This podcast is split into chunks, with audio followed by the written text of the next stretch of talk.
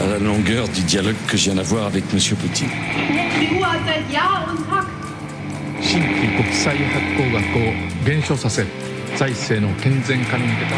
Símbolo del fascismo en Sudamérica.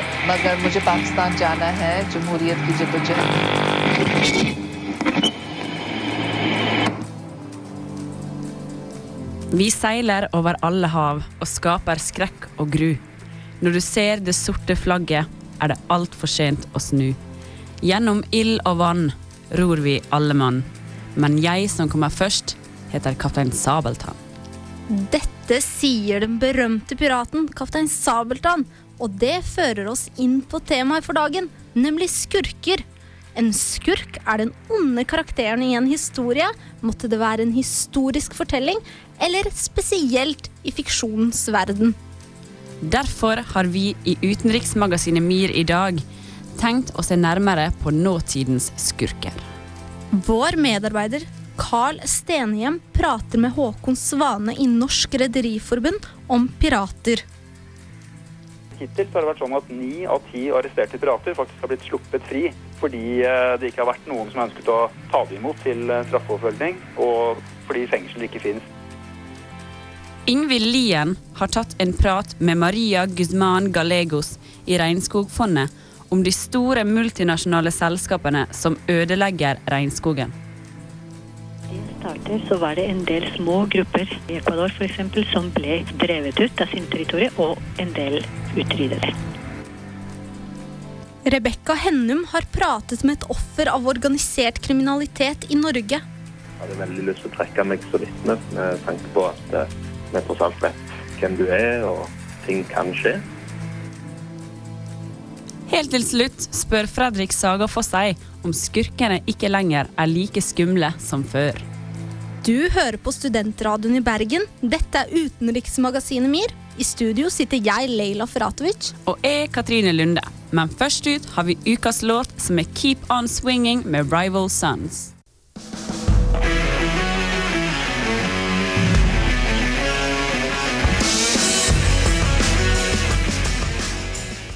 Det var ukens låt Keep On Swinging her på Studentradioen i Bergen. Du hører på utenriksmagasinet MIR.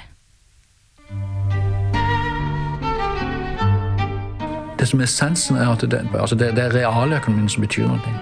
Det, det, det er ikke, og penger er bare en illusjon. Eh, altså det, det som virkelig skjer, det er at jeg er en professor i økonomi.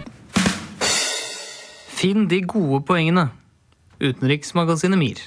I dagens utgave av utenriksmagasinet MIR snakker vi om supervillains. Og når jeg sier supervillains, hva tenker du på, Katrine? Uh, det, jeg det jeg tenker først på når jeg hører ordet skurk, det er vel uh, litt forskjellige typer bad guys. Uh, ranere, mafia, terrorister, pirater. Lista er evig lang, men eh, det alle har til felles, det er vel at på en eller annen måte så vil den andre vondt. Um, hva med du, Laila?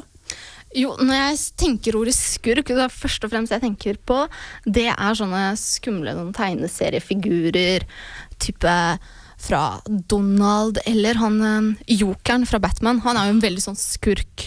Han er kjempeskummel. Han er erketypen av skurk, syns jeg. Men sånn i den virkelige verden så må jeg si at pirater skremmer meg en del. Og jeg har ikke tenkt på det før, men jeg, jeg har begynt å tenke på det. Og de finnes jo utenfor f.eks. Somalia. Der driver de og tar folk til gisler og øh, kaprer båter. Så de er jo ekte. De finnes. Ja, de finnes absolutt. Uh, pirater det skremmer også vår eh, mer- MIR-medarbeider Carl Stenhjem, eh, som denne uka har tatt for seg piratvirksomheten i Adenbukta utenfor Somalia sin kyst. Han snakker med Håkon Svane, som er beredskapsleder i Norges Rederiforbund.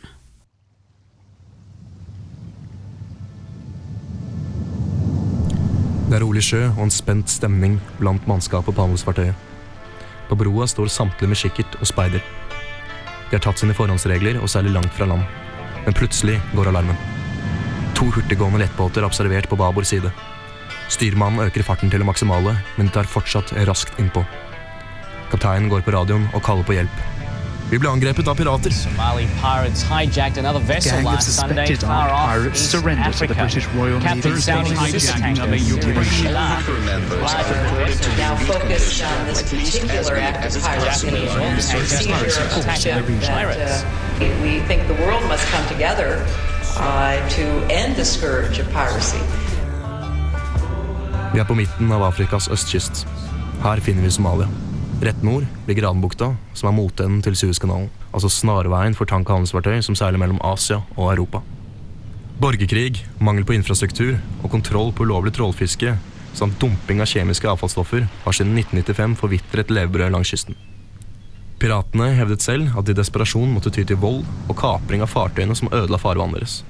Men med en relativt stor suksess og innfridde løsepenger på millioner av kroner per fartøy, har motivasjonen skiftet fra politisk budskap til å sikre seg den feiteste kjørebeskalen.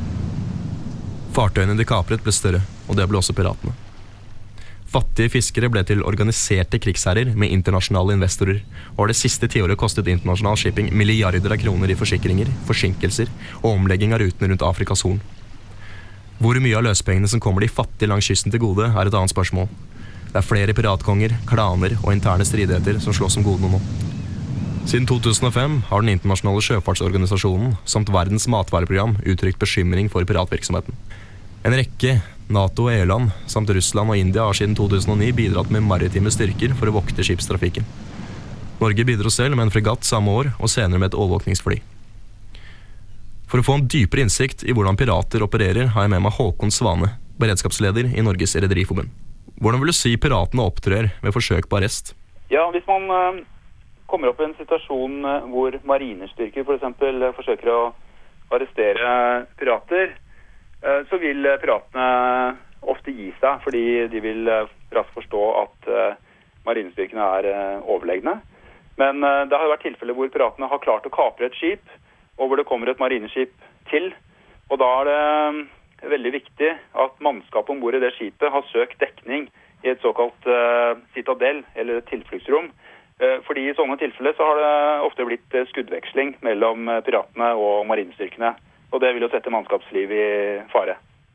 Svane forteller at det sitter rundt 1000 pirater i ulike fengsler og venter på dom. Dette er Rederiforbundet svært positiv til.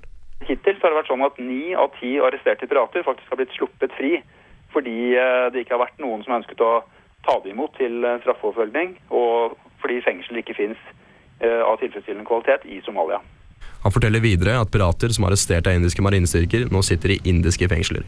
Men noen sitter også i amerikanske og sørkoreanske fengsler.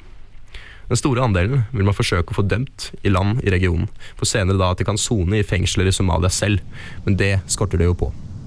Så FN, bl.a. med støtte fra Norge, forsøker å bygge fengsler med god kapasitet og en rimelig grei standard i deler av Somalia som er stabile. Svane forteller videre om hva som skyldes nedgangen av piratangrep den siste tiden.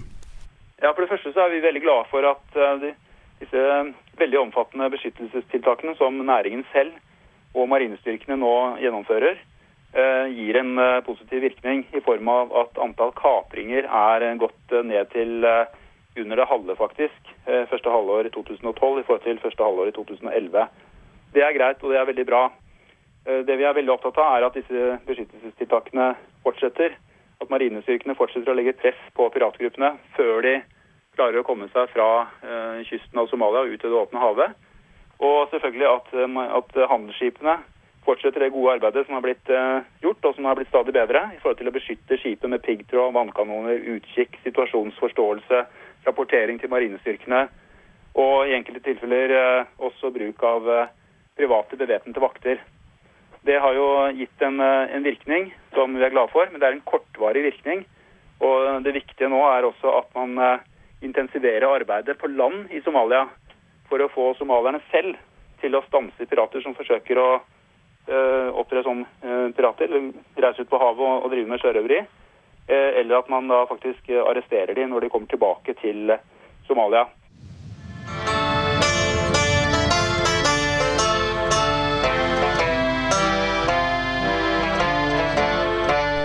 Kapteinen ser til sin lettelse en fregatt i det fjerne. Lettbåter med marinejegere blir satt på vannet og begynner sin nøye inndrillede maktdemonstrasjon.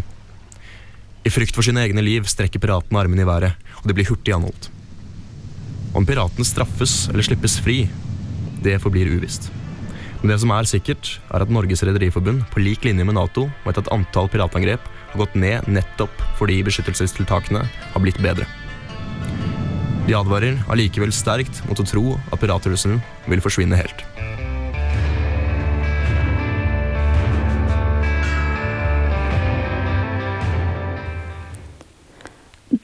Her hørte vi altså MIR-medarbeider Carl Stenhjem prate om pirater, og hva slags konsekvenser piratvirksomhet fører til. Han snakket altså med Håkon Svane i Norges Rederiforbund. Ja, og her var jo det tydelig at det settes i gang store tiltak for å bekjempe de somaliske piratene. Men selv om det har blitt gjort masse for å forebygge piratvirksomhet, så har det seg nemlig slik at sjørøveri faktisk er lønnsomt for den lokale økonomien i Somalia. Det er det, og man kan jo se det på denne måten. At 1000 gisler i fjor resulterte i 810 millioner kroner til de forskjellige somaliske lokalsamfunnene.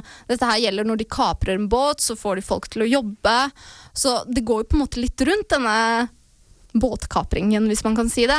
Så man kan se det på en som slags en slags eh, velferdsordning for eh, den somaliske økonomien. Ja, du kan jo se på det på den måten. Men sånn som det er i Somalia, så er jo det et veldig korrupt land. Og mye av pengene og verdiskapninga i Somalia går jo til en terroristgruppe kalt Al Shabaab.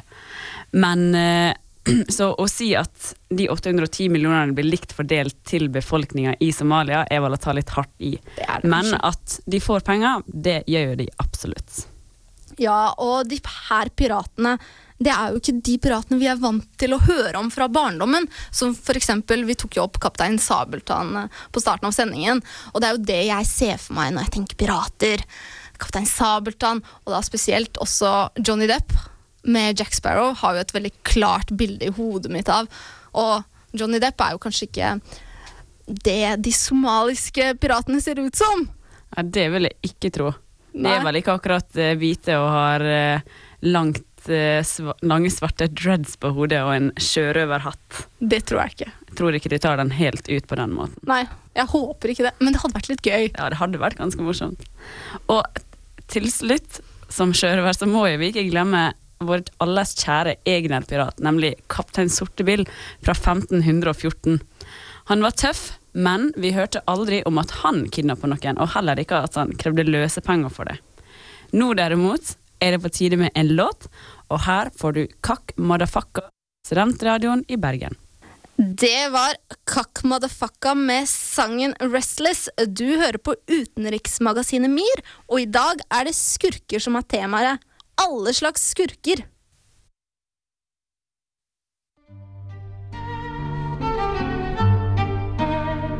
Vi slušajte иностранный журнал «Мир» о студентском радио в Bergen. Foreign magazine «Мир» on student radio in Bergen. magazine étrange la radio étudiante à Bergen. Bergen gaksein og radio de gakkuno, sashishi no miru kittiru. Utenriksmagasinet MIR snakker alle språk. Hver fredag fra 11 til 12 på Studentradioen i Bergen.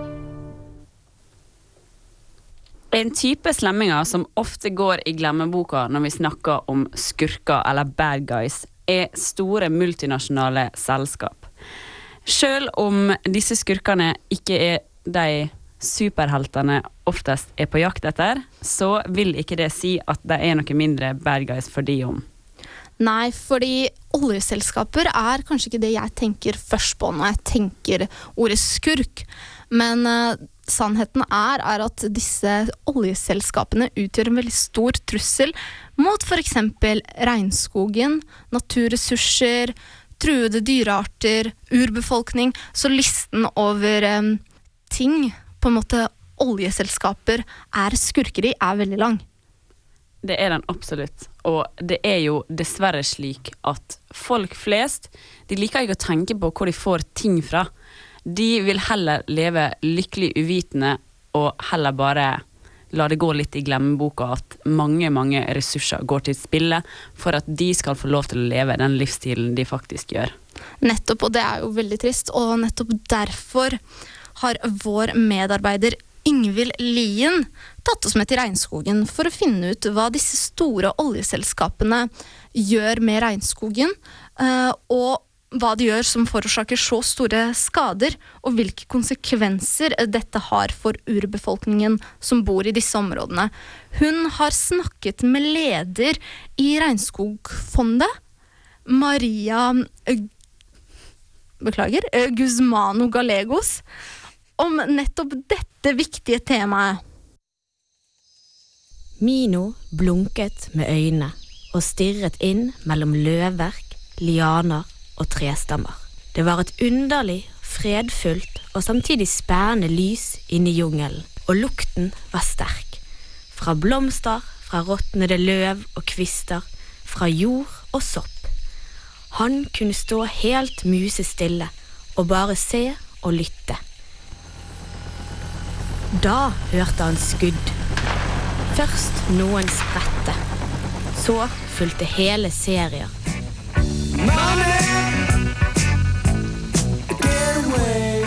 Utdraget er hentet fra Gert Nygerhaugs bok 'Mengele Zoo' om ødeleggelser i Amazonas. Det er en fiktiv bok, men sannheten er nærmere enn man skulle tro. Ødeleggelser i Amazonas skjer i stor grad. Både nedskoging og i uthenting av naturressurser som olje og gass. Store multinasjonale oljeselskaper tar over områder som tilhører urfolksgrupper som har bodd i disse områdene i lange tider. Maria Guzman Galeos, programkoordinator for Peru, Brasil og Amazonas i Regnskogfondet, gir oss et bedre innblikk i dette problemet. Oljeutvinning både i Ecuador og Peru eh, startet i eh, 70-årene ca. Når det starter, så var det en del små grupper i Ecuador for eksempel, som ble drevet ut av sine territorier, og en del utryddet. At folk blir fordrevet fra sine territorier, ja, det skjer. Det, det skjer med en gang eh, et oljeselskap får en, eh, en konsesjon, og de skal da bygge oljebrønnene sine, så er det det området som da folk brukte, det blir plutselig ikke noe som de kan bruke. Det er ikke bare utdrivelse av folkegrupper i disse områdene som skaper problemer. Store skader på miljø og samfunn skjer samtidig, og når ett oljeselskap begynner arbeid i et område, bringer det også med seg andre problemer. Men det som er det største problemet også med oljeutvinning, er hvordan det foregår, og at det, og det ofte skaper migrasjon. Det kommer masse, mange folk for å jobbe i oljeselskapet, for å, for å bygge veier til oljeselskapet, og det gjør at mm, folk, fattige folk fra andre områder kommer og fordriver eh, eh, urfolk, eh, urfolksgruppene som bor der. Det store spørsmålet man ofte stiller seg i forhold til ødeleggelser av Amazonas, er hvorfor dette kan skje. Hvordan kan store multinasjonale oljeselskaper ta seg til rette i disse områdene uten å ta hensyn til det mangfoldige livet som utspiller seg i urskogen? Det er flere ting, men det handler om dårlig lovverk eh, i de ulike landene, som har gjort at, eh, at de kan utvinne ressurser uten å f.eks. For forholde seg til forskjellige typer lov som, er, som finnes i landet. Guzman Galeos forteller videre at olje utgjør en viktig del av landets nasjonalprodukt, noe som gjør det enklere for oljeselskapene å få konsesjoner. En annen ting er at uh, myndighetene selv ikke har ikke har tatt hensyn til de uh, urfolksgruppene som bor i de områdene. Sånn at de har på en måte uh, I hele Amazonas så har, har, man hatt en idé om at Amazonas er ikke befolket, er folketomt. Det er et område som skal erobres. Det er et område som er fullt av mineraler, så man kan bare ta det ut.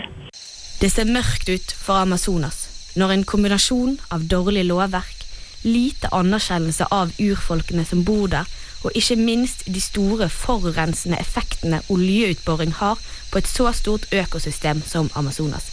Er det egentlig noe håp for fremtiden?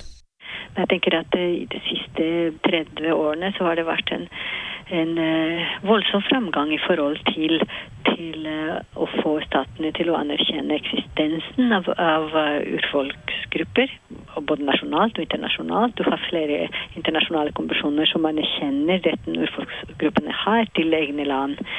Og en del av disse internasjonale konvensjonene reflekteres også i nasjonale land.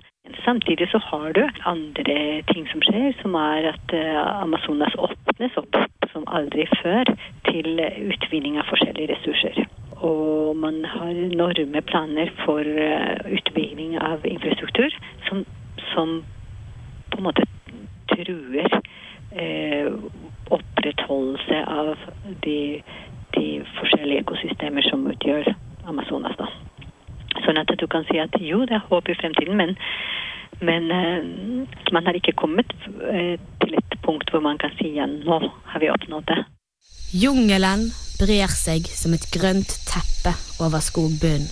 Sommerfugler i alle regnbuens farger flakser rundt, og overalt kan man høre lyden av jungelen.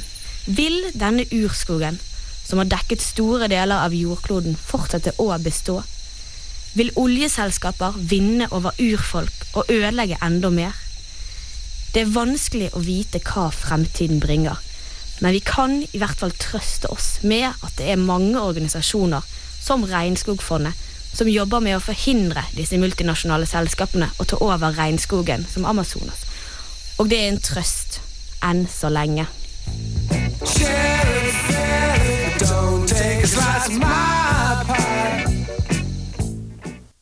Ingvild, her hørte du Yngvild Lien som snakket med Maria Guzman Gallegos i Regnskogfondet om hvordan store multinasjonale selskap ødelegger for urbefolkninga i Amazonas. Dessverre så er det her bare ett eksempel på hvordan store selskap utnytter naturressurser til sin fordel. Det er det. Det er veldig sørgelig at uh, vi har f.eks. sånne store multinasjonale diamantutvinnere som går inn i Sierra Leone, som har en veldig stor uh, industri for diamanter. Selvfølgelig er det ingen i Sierra, Leone som uh, får utnytte dette til sitt eget beste. Det går jo til de multinasjonale selskapene. Og der bruker disse selskapene vanlig lokalbefolkning til sin egen fordel. Og faktisk bruker dem som slaver med denne diamantutvinningen.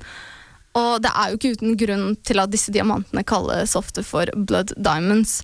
Det er jo slavehender som har gravet de opp. Ofte går jo liv til spille i løpet av denne utvinninga av eh, disse diamantene. Og de vestlige forbrukerne tenker vel ikke helt over hvor diamantene kommer fra, eller hva som har gått med på å få disse diamantene til den vestlige verden. Det gjør det ikke. Det gjør ikke vi, faktisk. Så ja. Nei. Og et annet eksempel er Scampi, som jo har blitt en stor it-greie her, i hvert fall her til lands.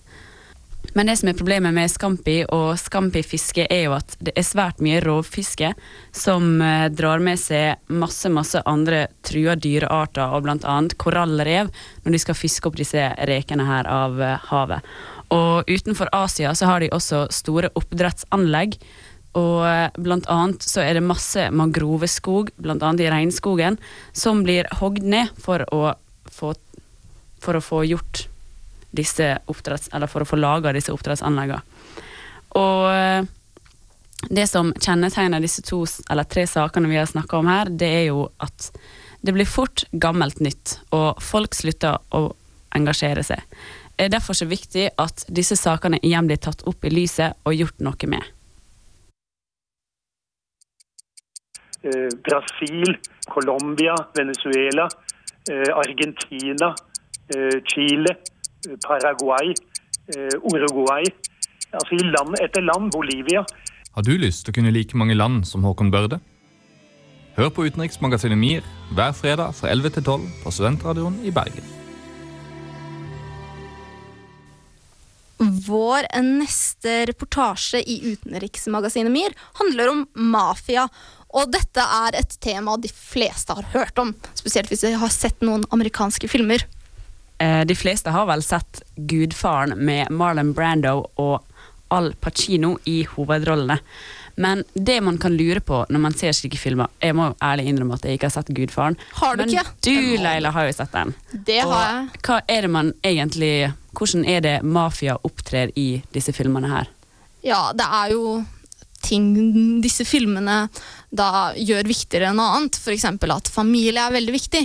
Men enda viktigere enn det er at mafia fungerer ikke som et satsmedlemskap du bare kan si opp. Når du først er i mafiaen, så er det veldig vanskelig å komme seg ut av eh, mafiaen. Så det er eh, noe veldig viktig når det gjelder mafia. Men eh, fra spøk til alvor, den organiserte kriminaliteten som mafiaen driver med, det er jo et stort problem verden over. Og enda vanskeligere på verdensbasis så er jo det å stille disse folka her til ansvar. Fordi de er så mange, fordi de har gode midler, fordi de har eh, kontakter i alle mulige land, bl.a. innenfor politiet, i land der korrupsjon er et stort problem så er det har de veldig stor makt. Eksempel flere bander som har stor makt. I mange deler av verden så har du f.eks. narkotikabandene i Mexico, som utgjør en veldig stor trussel, ikke bare for landet, men for også befolkningen der, og det internasjonale samfunnet.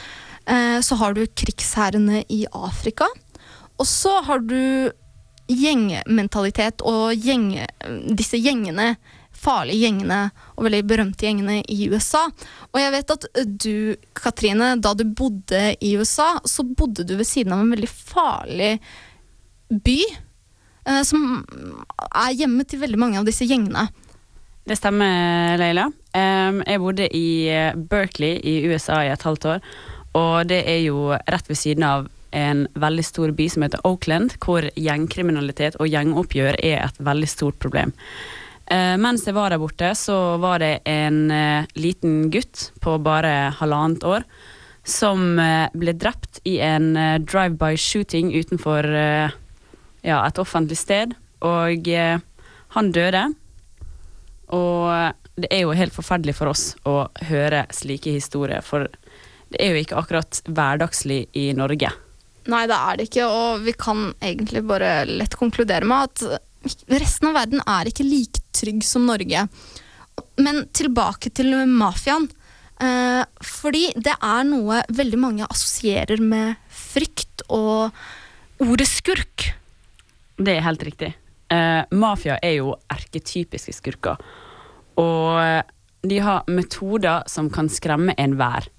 For eksempel, vi hører jo om tortur og forskjellige måter de har på å få folk til å ikke tyste på dem. Og, eller stille opp i rettssak som vitne osv. Det her fikk vår medarbeider Rebekka Hennum sitt eh, intervjuobjekt erfare på den verst tenkelige måten. Det er New York i 1972, og det skal spilles inn en film som skal bli starten på en verdenskjent trilogi som er elsket av mange. Marlon Brandon og Al Pacino gjør seg klar til innspillingen av Gudfaren, del 1. Samtidig blir folk utpresset, torturert og drept av organisert kriminalitet. Også populært kalt mafia. I dag hører vi også om organisert kriminalitet i alle verdens land. De er mest kjent for virksomhet som smugling, hvitvasking av penger og utpressing. Det er mye som kan styre disse grupperingene. Kanskje først og fremst tilhørighet, penger eller familie. Men noe av det som er mest skremmende med dem, er at de er vanskelig å få tak i. Selv om man vet hvem de er og hvor de oppholder seg, er det ikke lett for verdens myndigheter å få tatt problemet med rota. Rundt mai 2011 i Sør-Rogaland ble en mann utsatt for blind vold etter å ha, som gjerningsmennene sier, oppført seg respektløst. Heldigvis kom en tilfeldig forbipasserende og hjalp til. Lite visste han hvilke ubehagelige situasjoner som skulle komme etterpå. Jeg har fått intervjue denne mannen som gikk forbi og hjalp offeret. Han har valgt å forholde seg anonym. Ja, første gangen jeg møtte disse folka her, så var jeg ute på byen i Stavanger. Og hørte noe akkel i bakgata. Så gikk jeg bort der for å sjekke hva det var for noe. Og da så jeg tre-fire stykker som rett sto over en fyr og slo og sparka til. Da gikk jeg jo bort til de, eller gikk og gikk, jeg sprang bort til de og skudde de vekk og sa at de bør gi seg med dette. Og da ble jo de hissige, og da begynte de jo ja, De prøvde vel egentlig mer å gå løs på meg, da, men det fikk de ikke helt til. Og de stoppet når de faktisk fikk se hvem jeg var. Hele greia sånn, så ble avslutta der og da når jeg gikk inn imellom de og fikk de vekk. Og de som sagt gikk jo litt, prøvde å gå litt løs på meg før de så hvem jeg var. De fikk jo inn et par slag. Så begynte de å prøve å snakke seg ut av situasjonen og spurte litt hva jeg kom til å gjøre videre med dette. her. Det var en nordmann som lå på bakken der. Eh, grunnen til at de ga en juling, da, så jeg fikk forklart av de seinere, var at pga. at han var respektløs overfor meg.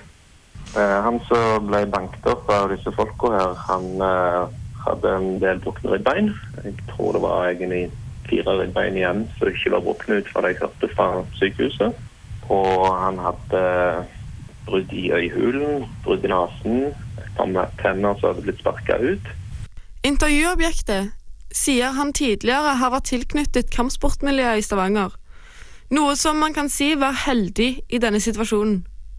De etterfølgende episodene etter denne grufulle hendelsen kan virke som om de har tatt rett ut av en mafiafilm. Vårt intervjuobjekt forteller her hva som kunne blitt prisen for å hjelpe en i nød. Ja, Det som skjedde etter at jeg hadde fått ham på sykehuset, og etter at han hadde fått behandling, og sånne ting så det, var jo at jeg anbefalte han jo selvfølgelig å anmelde. Han var jo fullstendig med på det, da, så jeg og han gikk jo til politiet, men jeg besløt da siden jeg var vitne, og anmeldte dette til politiet. da, Og jeg forklarte jo hvem, hva, hvor, for jeg vet jo hvem de folka er. Og politiet kalte det inn til en avhør, og etter de hadde vært på det, så fikk jeg jo et par telefoner da om jeg ikke hadde veldig lyst til å trekke meg som vitne, med tanke på at eh, vi tross alt vet hvem du er, og ting kan skje.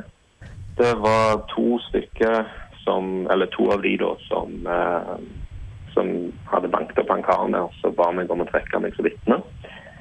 For eh, som sagt, de begynte å hentyde til at noe kunne skje med enten meg eller noen jeg kjente, da, hvis jeg fortsatte å stå, på, stå fram som vitne.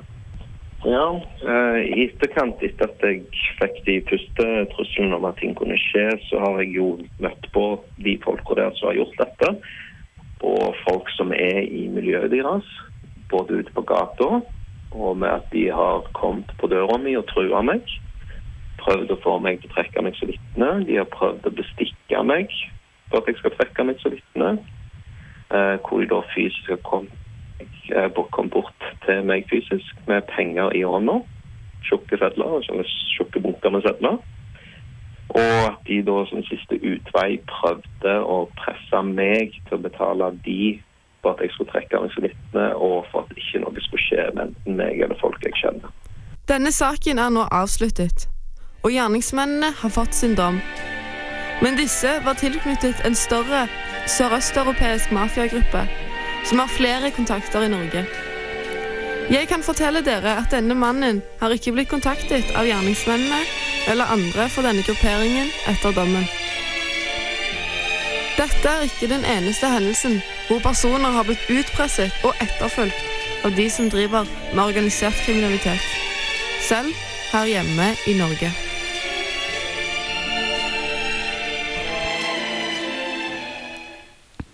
Det var Rebekka Hennum og en anonym gjest som ble offer for organisert kriminalitet. Det stemmer, og den mannen her var jo tydelig prega av det uhyggelige som hadde hendt ham. Og man kan jo tenke seg hvordan man sjøl ville reagert dersom noen hadde trua det og sagt at du ikke fikk lov til å vitne mot dem. Eh, men nå så er det på tide med en låt igjen. Her kommer en fra ukas album som er 'Nothing Lasts Forever' av Sandra Kolstad. Sangen heter The Young Evil Woman.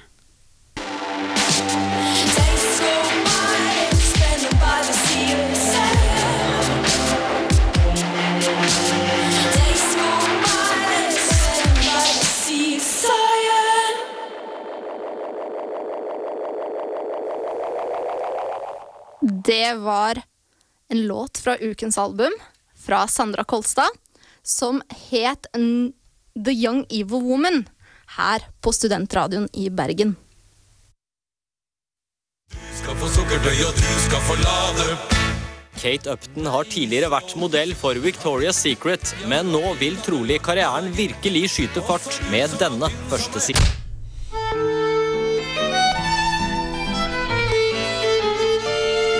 Seriøst. Utenriksmagasinet MIR. Du hører på utenriksmagasinet MIR, og vi har skurkesending.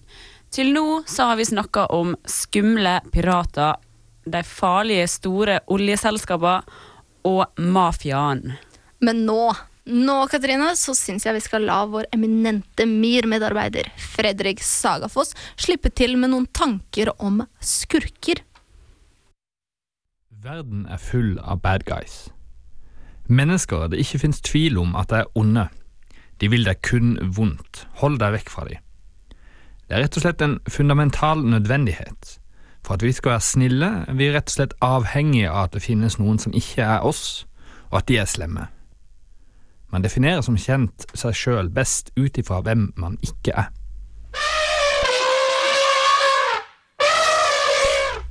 Det sies at for å skremme barna sine til taushet i antikkens Rom, kunne man finne på å si Hannibal ad portas, Hannibal ved portene.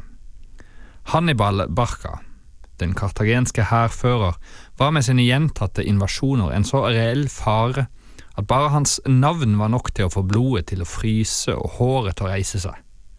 Man visste at denne mannen var en trussel for hele sivilisasjonen, og den ultimate bad guy. Dette var en person det var lett å samles mot. Det at sivilisasjonens undergang venta bare en kjapp båttur og fjelltur unna, bidro nok ikke til å døyve frykten. For avstand er selvsagt en viktig faktor her, både i tid og rom. Enhver trussel falmer jo lenger unna man kommer. Mens barn i Rom ikke fikk sove under trusselen av Hannibals elefanter, kan vi i dag uten frykt lese om hans eventyrlige ferd over Alpene, vel vitende om at han døde for godt over 2000 år siden. Og det er lett for oss å le av de pussige tingene eneherskeren av Nord-Korea måtte finne på på den andre sida av kloden. Men stormannsgale små menn med fingeren på knappen kan virke som en høyst reell og farlig trussel for enhver som måtte befinne seg i nabolandene. Og mens vår nabo, svenskekongen, stort sett ikke er en trussel mot andre enn seg sjøl, vil mange i dag oppfatte sin sivilisasjon som reelt i fare, om man er en iraner eller israelitt. Very very.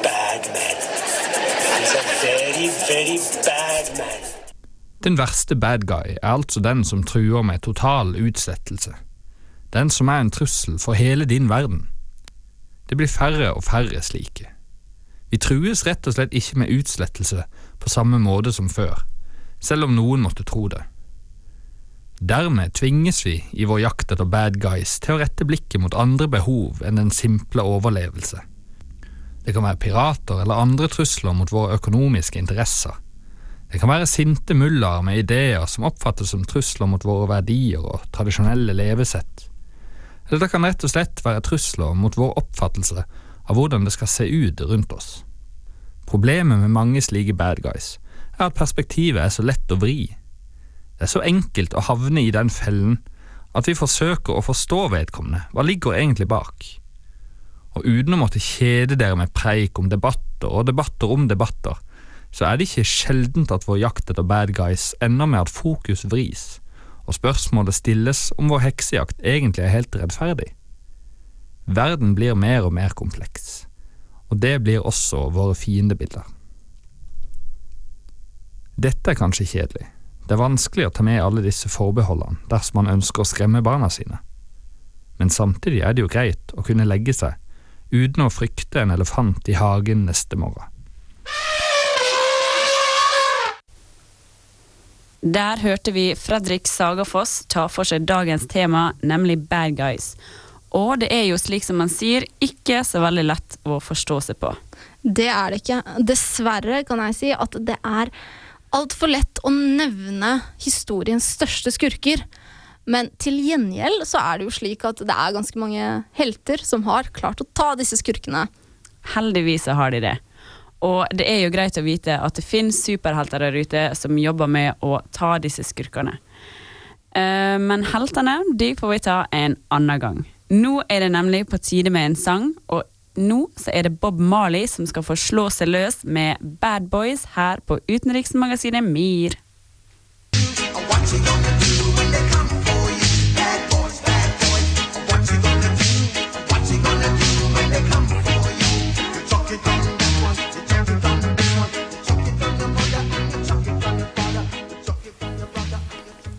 Her fikk du Bob Marley med Bad Boys, og det passet jo veldig bra, siden i dag i utenriksmagasinet MIR har vi pratet om ulike bad boys, bad guys eller skurker, om du vil. Det har vi, og helt i begynnelsen så hørte vi fra Carl Stenhjem, som snakka med beredskapsleder i Norges Rederiforbund, nemlig Håkon Svane, om eh, piratsituasjonen i Adenbukta rett utenfor kysten til Somalia. Ingvild Lien tok oss med inn i regnskogen, og der tok hun for seg eh, multinasjonale oljeselskapers ødeleggelser, der hun bl.a. snakket med Maria Guzman Gallegos. Vår medarbeider Rebekka Hennum møtte et offer for balkansk mafia i Sør-Rogaland. Og sist, men ikke minst, hadde vi Fredrik Sagafoss som delte sine tanker om skurker. Tusen takk til alle som bidro. Og hvis du av en eller annen grunn ikke fikk med deg sendinga vår i dag, eller bare har lyst til å høre den om igjen, så kan du laste ned vår podkast på srib.no slash podkast.